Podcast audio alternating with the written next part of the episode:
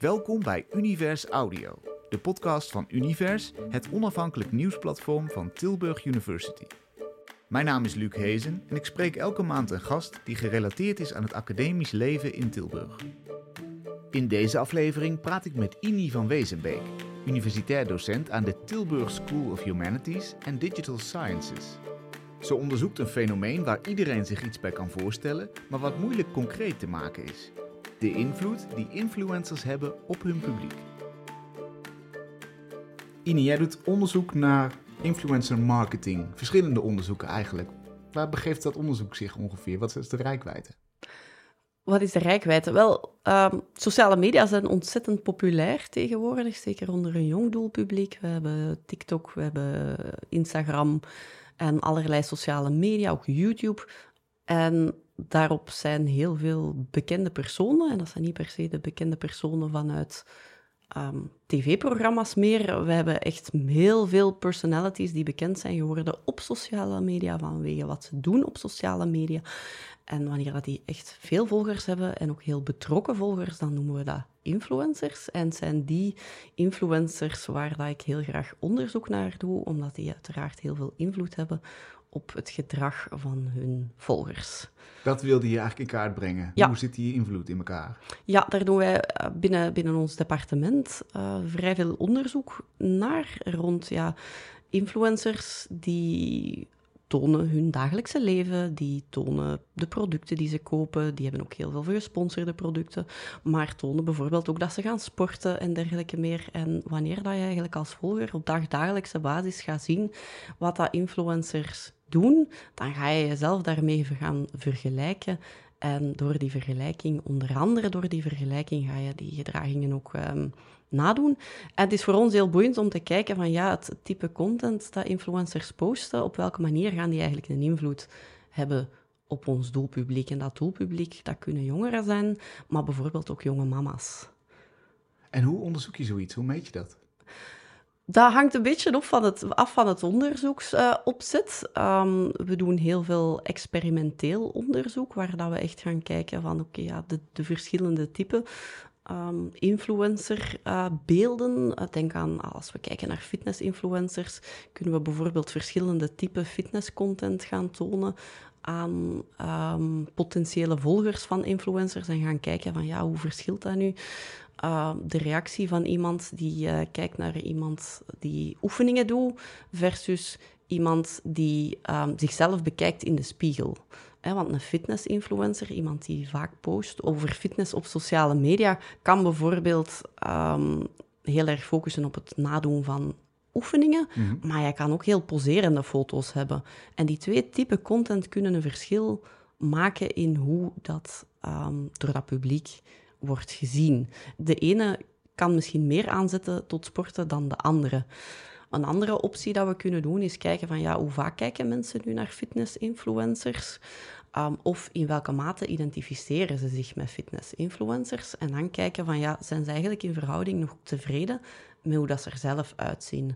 En in een recent onderzoek um, hier hebben we bijvoorbeeld vastgesteld dat wanneer dat, um, mensen zich zeer sterk identificeren met hun favoriete influencer, dat ze um, zich ook meer tevreden gaan voelen met hun eigen lichaam. Um, en dat is bijvoorbeeld een van de manieren waarop dat we gaan kijken van ja, hoe hangt eigenlijk ja, dat, dat volgen van influencers samen met ja, hoe, hoe dat mensen zich voelen met zichzelf kan ook gaan over in welke mate gaan ze producten kopen. Dus dat is, maar dit is dus heel ja. positief eigenlijk in dit voorbeeld wat je nu aangaf. Ja, ja, ja. Um, er zijn heel veel negatieve onderzoeken rond sociale media. Er wordt uiteraard heel veel gekeken naar welke negatieve effecten hebben sociale media op hun doelpubliek. Mm. En die zijn er absoluut te vinden. Denk maar aan bijvoorbeeld influencers die ongezonde voeding gaan posten of, of marketing naar ongezonde voeding. Maar er is best ook wel wat potentieel in dat medium naar gezonde gedragingen. Onder sommige voorwaarden kan je mensen via sociale media content aanzetten tot sporten. En in onze studie nu, die we hebben afgenomen bij Nederlandse jongvolwassenen, zag je bijvoorbeeld dat die identificatie heel belangrijk was. Kijk je op naar iemand, dan ga je misschien eerder teleurgesteld zijn met hoe dat je eruit ziet. Terwijl als je ziet van, ah, ik, ik lijk toch wel op die persoon, ja, dan voel je je wel blij mee hoe dat je eruit ziet. En dan ga je mm. misschien op een positieve manier gestimuleerd worden. Ehm, dat is interessant. Dus de afstand moet niet te groot zijn. Nee, nee, nee. En dat zien we sowieso. We zien ergens wel influencers als fenomeen, die zijn altijd vrij herkenbaar. We volgen die omdat die ook wel een beetje herkenbaarheid geven. Hmm. En er zit een hele leuke paradox in, in die influencers. Langs de ene kant zijn die heel dicht bij ons, maar langs de andere kant hebben die ook wel een uh, status als expert. Dus we kijken daar naar op, die hebben een expertise. Heel vaak posten die ook in een bepaalde niche. Denk aan de fitness-influencer of de momfluencer of de gaming-influencer. Je kan het heel gek bedenken wat type influencer er tegenwoordig is. Maar um, doordat zij posten in hun niche, zie je ze als expert. Maar omdat ze ook heel veel posten over het dagelijkse leven, zie je ze ook wel als iemand die herkenbaar is. En die herkenbaarheid die kan je zien als, als, als twee dingen. Ofwel herkenbaarheid van zo zou ik willen zijn. En dat is echt die opwaartse sociale vergelijking, dat opkijken naar iemand. Maar het kan ook wel zijn dat je je herkent in iemand. Dat was nu een van de dingen die we het afgelopen jaar of de afgelopen twee jaar ook hebben uitzitten diepen. Van ja, de manier waarop dat je kijkt naar influencers, heeft dat ook, speelt dat ook een rol voor hoe dat je die, die boodschappen gaat verwerken. En ja, een herkenbare influencer zal minder leiden tot teleurstelling, hebben we toch al vastgesteld in die fitness-influencer content. Dat is heel interessant, want eigenlijk zou je denken, je wil, stel je wilt heel breed worden, je wilt een bodybuilder worden, dan wil je van de allergrootste bodybuilder de tips hebben, want dat is de grootste expert. Maar dan is dus ook het risico op teleurstelling het grootste. Ja, en die teleurstelling zit erin dat je het onhaalbare voorstelt. Ah, ja, ja, ja. Het feit dat je eigenlijk gaat ga een, een doel voor je uitstellen dat niet haalbaar is. Een fitness-influencer heeft daar, is daar fulltime mee bezig. Dat is één ding. Dus hmm. die heeft ook tijd om die sportoefeningen te doen, weet hoe ze moeten uitgevoerd worden. En langs de andere kant, wat dat ook echt een, een dingetje is, is dat beelden op sociale media niet zijn zoals dat ze in werkelijkheid zijn. Er is Photoshop, ook gewoon simpelweg een zwart-wit filter, accentueert spieren beter dan, ehm, dan, dan aan het gewone hmm. licht. Dus ja, heel veel sociale media content is heel perfectionistisch opgesteld. Dus zeker bij de, de heel idealistische fitness-influencers die een onhaalbaar doel voorstellen, waar dat je als gewone volger niet aan gaat geraken, ja, dan is de kans op teleurstelling ook heel groot. En sommige onderzoeken zijn daar ook wel bezorgd naar ongezonde gedragingen. Um, omdat je dat doel probeert te bereiken. Je kan op twee manieren fit en gezond worden en eruit zien als een fitness-influencer. Langs de ene kant je kan gaan sporten en gezond leven, maar je kan ook bijvoorbeeld met voedingssupplementen gaan werken hmm. en op een ongezondere manier daar gaan geraken. Of je kan helemaal zeggen van ik geef het op omdat het onhaalbaar is. En dat is wel heel boeiend, want er is dan één deeltje dat eigenlijk wel positief beïnvloed wordt, onder voorwaarde dat het herkenbaar is. En hoe zit het dan met niet de fitness-influencers, maar bijvoorbeeld de algemene lifestyle? Monica Geuze, noem ik maar even, die niet per se, zeg ik vanaf de zijlijn, expertise heeft of iets waarom ze speciaal is. Maar haar leven is, wordt door zoveel mensen gevolgd. Ja, en daar heb je wat dat we in het onderzoek de parasociale relatie noemen. Er wordt een band gevormd doordat je eigenlijk elk onderdeel van die influencer uh, ziet. Het, leven van die influencer komt de hele tijd op je feed en je ziet geboortes, je ziet ziektes, je ziet de alledaagse dingetjes. De het koffietje in, uh, in, in, in, op een terrasje als het mooi weer is. Je volgt elke dag als volger diezelfde persoon en op de duur heb je het gevoel van dat is een vriend van mij of een vriendin, dat is iemand waar ik goed mee overeenkom. En dat hebben we sowieso ook wel met tv-personalities. Met tv-personalities kan je ook een band opbouwen. Maar wat maakt die sociale media context zo interessant, is dat die een band ook ietsje meer wederkerig is. Je kan liken en comments plaatsen. Mhm. Dus je kan echt het gevoel hebben van als ik hier nu praat op het profiel van Monica, ben ik effectief naar haar aan het praten. Ja. En ze leest dat. Ja. En misschien dat ze hier en daar wel eens antwoordt op bepaalde comments. Ehm, influencers, en dat is ook een hele bekende techniek, in hun ehm, stories bijvoorbeeld op Instagram gaan ze vaak zeggen van mijn volgers vragen veel deze vraag en die ga ik nu beantwoorden. Ja, dan heb je als volger het gevoel van er wordt hier naar mij geluisterd. Ja. En op die manier wordt eigenlijk een hele sterke band opgewekt. En dat is niet een personality die onhaalbaar lijkt te zijn, doordat je eigenlijk ziet, die drinkt koffie, die gaat naar de supermarkt, die doet eigenlijk alledaagse dingen. Ga Ja, je wel het gevoel hebben van, ja, ik doe dat ook. ja. En, en dat willen En wij dus. We willen een niet. digitale vriend. Ja, een, een soort van digitale vriend waar we steun, advies en inspiratie Aha. van halen. Maar ook, ja, inderdaad, dus ook inspiratie. Dus die persoon moet net iets interessanter zijn dan wij eigenlijk. We, we moeten ons eraan op kunnen trekken. Ja, ergens toch wel hoor. Want het is niet dat we. ehm, je ziet op sociale media dat er toch nog net iets meer wordt opgekeken dan ehm, neergekeken. Want zo werkt sociale vergelijking. Je gaat ofwel opkijken naar iemand, ofwel neerkijken van die persoon heeft minder dan ik. Hm. Maar op sociale media zijn we toch ook voornamelijk op zoek naar de net iets betere rolmodellen. Om eigenlijk een soort van vriendschapsband eh, mee op te bouwen. En dat maakt ook ja, het feit. Dat, dat zijn een aantal dingen die daar meespelen. Hè. Die expertise speelt mee, maar ook die een band speelt mee. Als je kijkt naar bijvoorbeeld gesponsorde content, in het begin was dat niet zo, werd dat niet zo goed onthaald dat influencers eigenlijk betaald werden voor reclame te maken. Maar nu zien we dat dat wel ook een onderdeel is van dat businessmodel. En dat juist door die speciale band er minder belang aan wordt gehecht. Want ja, het is mijn vriend die mij hier een advies geeft. Oh ja. En die mag daarvoor gesponsord worden. En dat is niet iets dat wij per se bewust denken. Hè. Het is niet dat wij op sociale media zitten scrollen en denken van... Dat is mijn vriend. Nee, dat zijn heel onbewuste processen. Hm. Wat het misschien invloedrijker maakt nog. Want je bent er niet weerbaar tegen. Althans, je bent je niet bewust dat je... Ja, en dat is iets wat je ook, ook bijvoorbeeld ziet met jongeren en uiterlijke vergelijkingen. Jongeren die, en, al, en, en dat zie je in heel veel studies ook terugkomen, en we zijn daar nu zelf ook een stuk mee bezig. Ehm, jongeren die gaan redelijk goed op de hoogte zijn van de perfectie van sociale media. Ze worden verteld dat wat er op sociale media te zien is, dat dat niet echt is. Ze hebben daar zeker wel een kritische, zeker de tieners, een kritische blik voor. Maar die kritische blik wordt niet altijd toegepast. Ook al weten ze dat, ze kunnen nog altijd teleurgesteld zijn met hun eigen lichaam omwille van al die perfecte plaatjes. Hm. Weer een mooie paradox eigenlijk. Ja, en zo zitten er heel, heel veel in, waarbij dat als je kijkt naar puur het onderzoek rond sociale media, er heel veel gefocust is op de negatieve kanten. En ik probeer, en samen met de collega's hier ook aan het eh, Center for Social Influence, te kijken naar wat zijn de positieve kanten. Hm.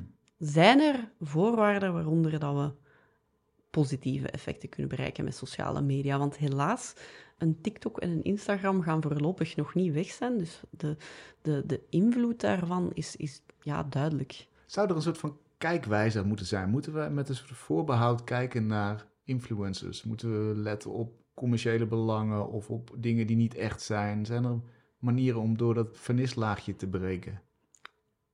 Ja, ik denk enerzijds het volgen van mensen met haalbare doelen. Dat is iets dat, dat uit onze onderzoeken wel, wel blijkt dat dat wel iets is.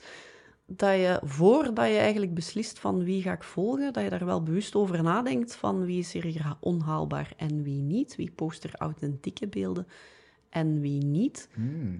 Maar dat is best een moeilijke vraag, toch? Wie is authentiek en wie niet? Dat is een bijzonder moeilijke vraag. Ja. Heb je daar tips voor? Ehm, tips.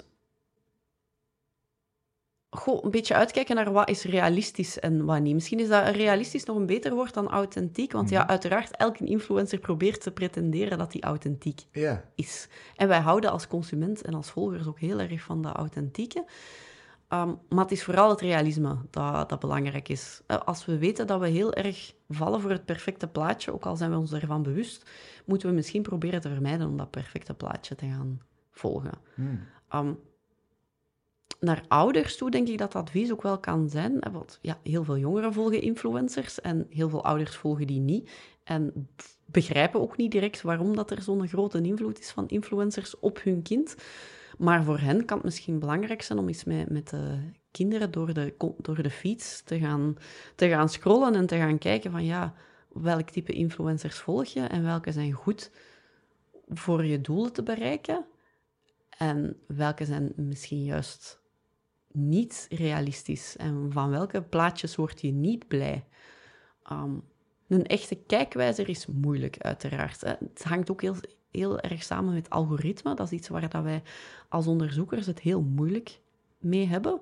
Ja, zie Een- dat maar eens uit te pluizen, Ja, hoe dat, hoe dat ja. werkt voor Een, iedereen. een, een TikTok of een Instagram is heel erg gebaseerd op welke algoritmes dat je, welke, welke type content dat je volgt. Daar, krijg je, daar zit je in, in een soort van, van loop waarbij dat je het, ja, hetzelfde type content gaat aangeboden krij- krijgen omdat je iets anders leuk vindt, maar wat dat daar echt het mechanisme achter zit van hoe bepaalt TikTok of Instagram nu wat jij leuk vindt, ja, dat, dat, dat weten we eigenlijk niet.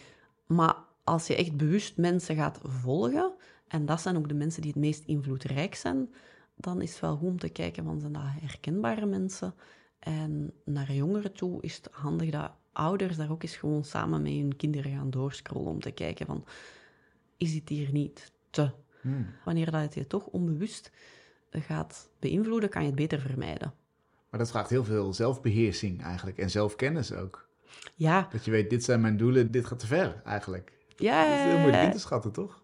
Ja, dat is, dat, is, dat is heel erg moeilijk in te schatten. Maar, Ja. en, en zeker ook omdat sociale media gebruik, dat is iets dat wij op een heel onbewuste manier doen. Wij zitten in de zetel of wij, wij zitten te wachten op de trein en wij doen die app open en wij scrollen daardoor. En dat is helemaal geen bewust, bewuste actie. En juist omdat we niet echt bewust zijn en alert zijn, worden we er misschien ook sneller door beïnvloed. Hmm. Dat komt dan op een, op een onbewust niveau binnen. Ja, ja, ja. We zijn op dat moment niet grondig aan het nadenken van, van vind ik die plaatjes hier nu ideaal of niet. Dus dat iets bewuster daarmee omgaan kan daar wel mee helpen. En dan is het een soort internetwijsheid, als jij niet betaalt voor een dienst, dan ben je zelf het product. Geldt dat ook bij influencers zo? Ben jij op een bepaalde manier het verdienmodel van zo'n influencer? Ja, ik denk wel inderdaad, de influencer moet het hebben van de volgers die, die hem volgt. Hè. En heel vaak wordt er dan gedacht van, het zijn vooral ook, ook de hele grote influencers die een grote invloed hebben op hun doelpubliek. Maar het zijn vaak de hele kleinere, de micro-influencers met enkele duizend volgers, die ook nog heel erg kunnen inzetten op dat iets persoonlijkere contact met de volgers Ah, ja. die een sterke impact kunnen hebben op wat dat, eh, de jongeren of de, de volgers ermee doen. Want het is natuurlijk een baan eigenlijk voor de grootste. Ja, het is een baan. Ehm, we, hebben, we hebben ook wat interviews gedaan, of ik heb, ben betrokken geweest bij onderzoeksprojecten die ook in- in- interviews deed met momfluencers. Dat is dan één type influencers. En voor sommige van hen is dat een, een baan geworden, maar heel vaak begint dat niet per se met het idee van een baan. Zeker als we kijken naar de beginjaren van Instagram, dat is nog niet zo heel gek lang geleden. Dat influencer-fenomeen is eigenlijk maar echt beginnen boomen vanaf 2016. Ah. Ehm, dus ja, de manfluencers die daar nu zijn, hadden misschien al wel een account daarvoor op Instagram. En een aantal daarvan zijn niet per se met Instagram begonnen als baan.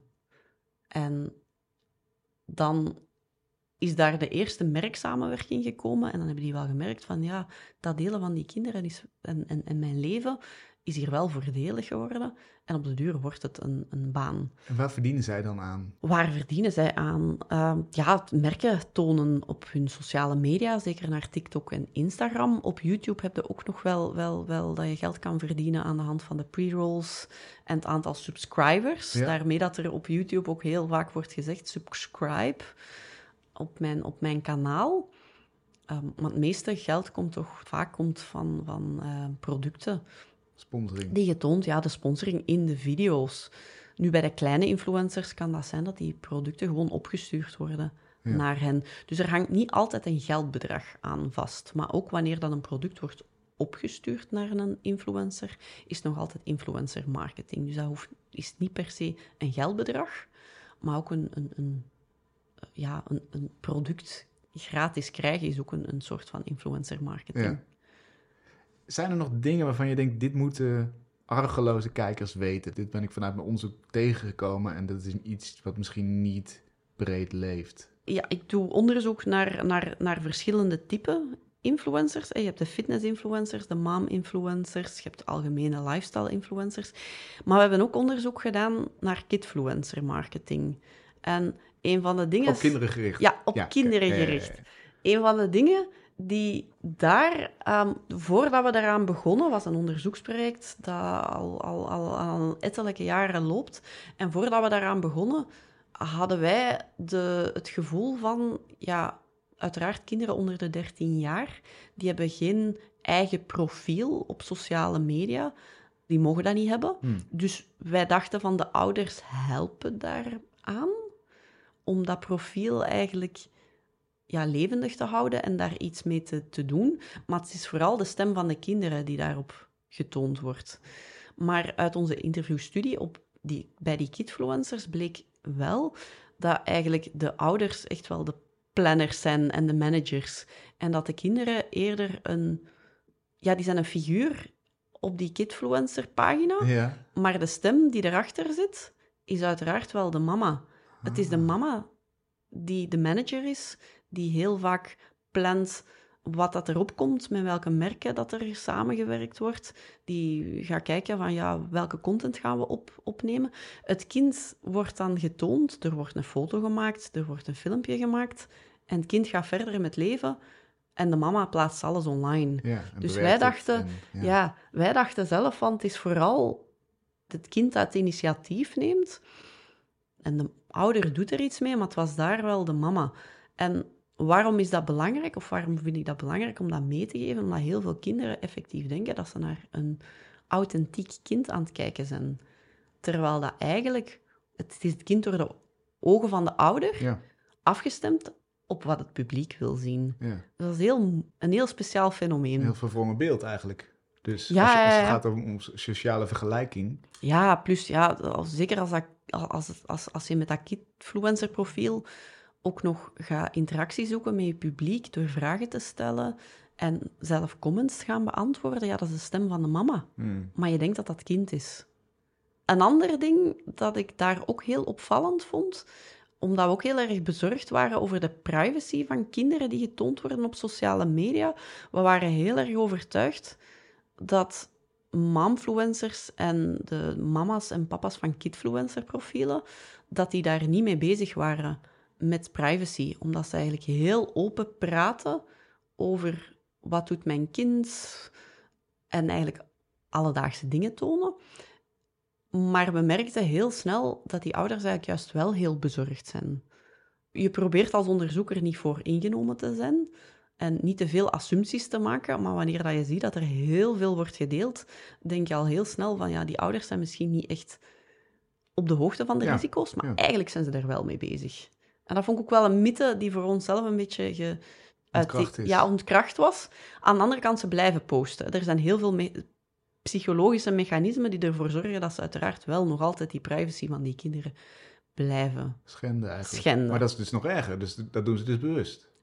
Nee, het, het, het is eigenlijk zijn vooral onbewuste mechanismen die daarachter hmm. zitten. Bijvoorbeeld, stel je bent een influencer en je post een foto van je kind dan kan je schrik hebben dat die foto uit de context wordt gehaald door mensen met slechte bedoelingen.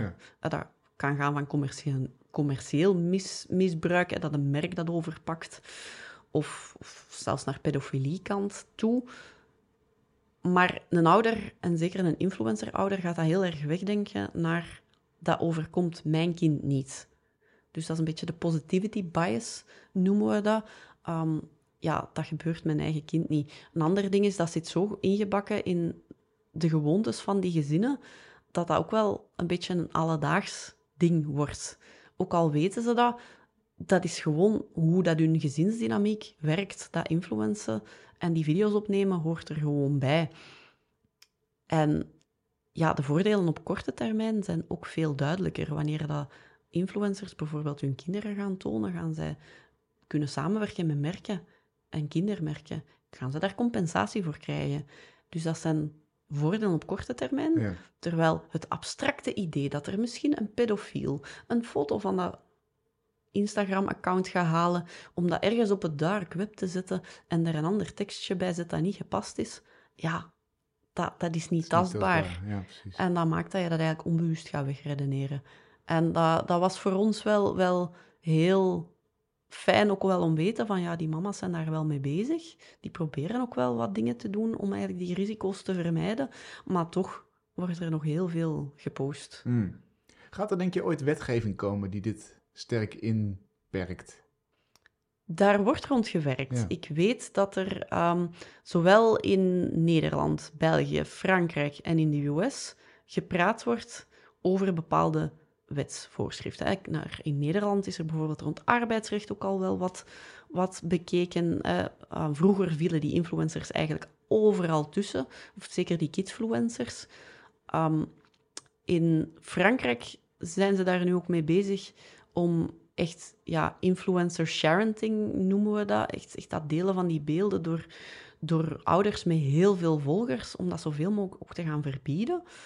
Ehm, in de US was er ook een voorbeeld van, van, van een jongere die ooit werd getoond op zo'n profiel. En want zover zijn we nu. De eerste baby's die getoond werden op Instagram, of de eerste jongeren op Instagram, worden nu wat ouder.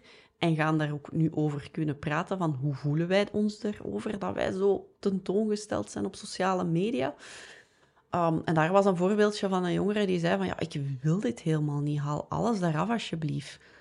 Um, dus daar wordt langs alle kanten en internationaal wel over nagedacht. Ja. En ik ben ook wel heel blij dat er ehm, ruimte is voor, voor dat debat, want we hebben niet echt een zicht als onderzoeker van hoe gaat dat nu jongeren op lange termijn beïnvloeden. Zowel naar misgebruik, maar ook bijvoorbeeld identiteitsvorming. Want een jongere wiens identiteit op sociale media al helemaal gevormd is voordat hij zelf eigenlijk kan beginnen aan die identiteitsvorming, ja, die gaan misschien toch niet optimaal door de jeugd kunnen gaan. Wat het een fascinerend onderzoek maakt ook, een onderzoeksveld.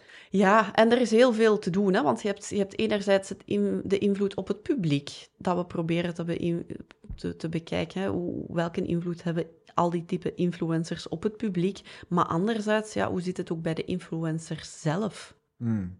Ehm, zeker naar de kinderen toe zijn er heel veel influencers die hun kinderen ook tonen. Ja, hoe, welke implicaties heeft dat naar hen?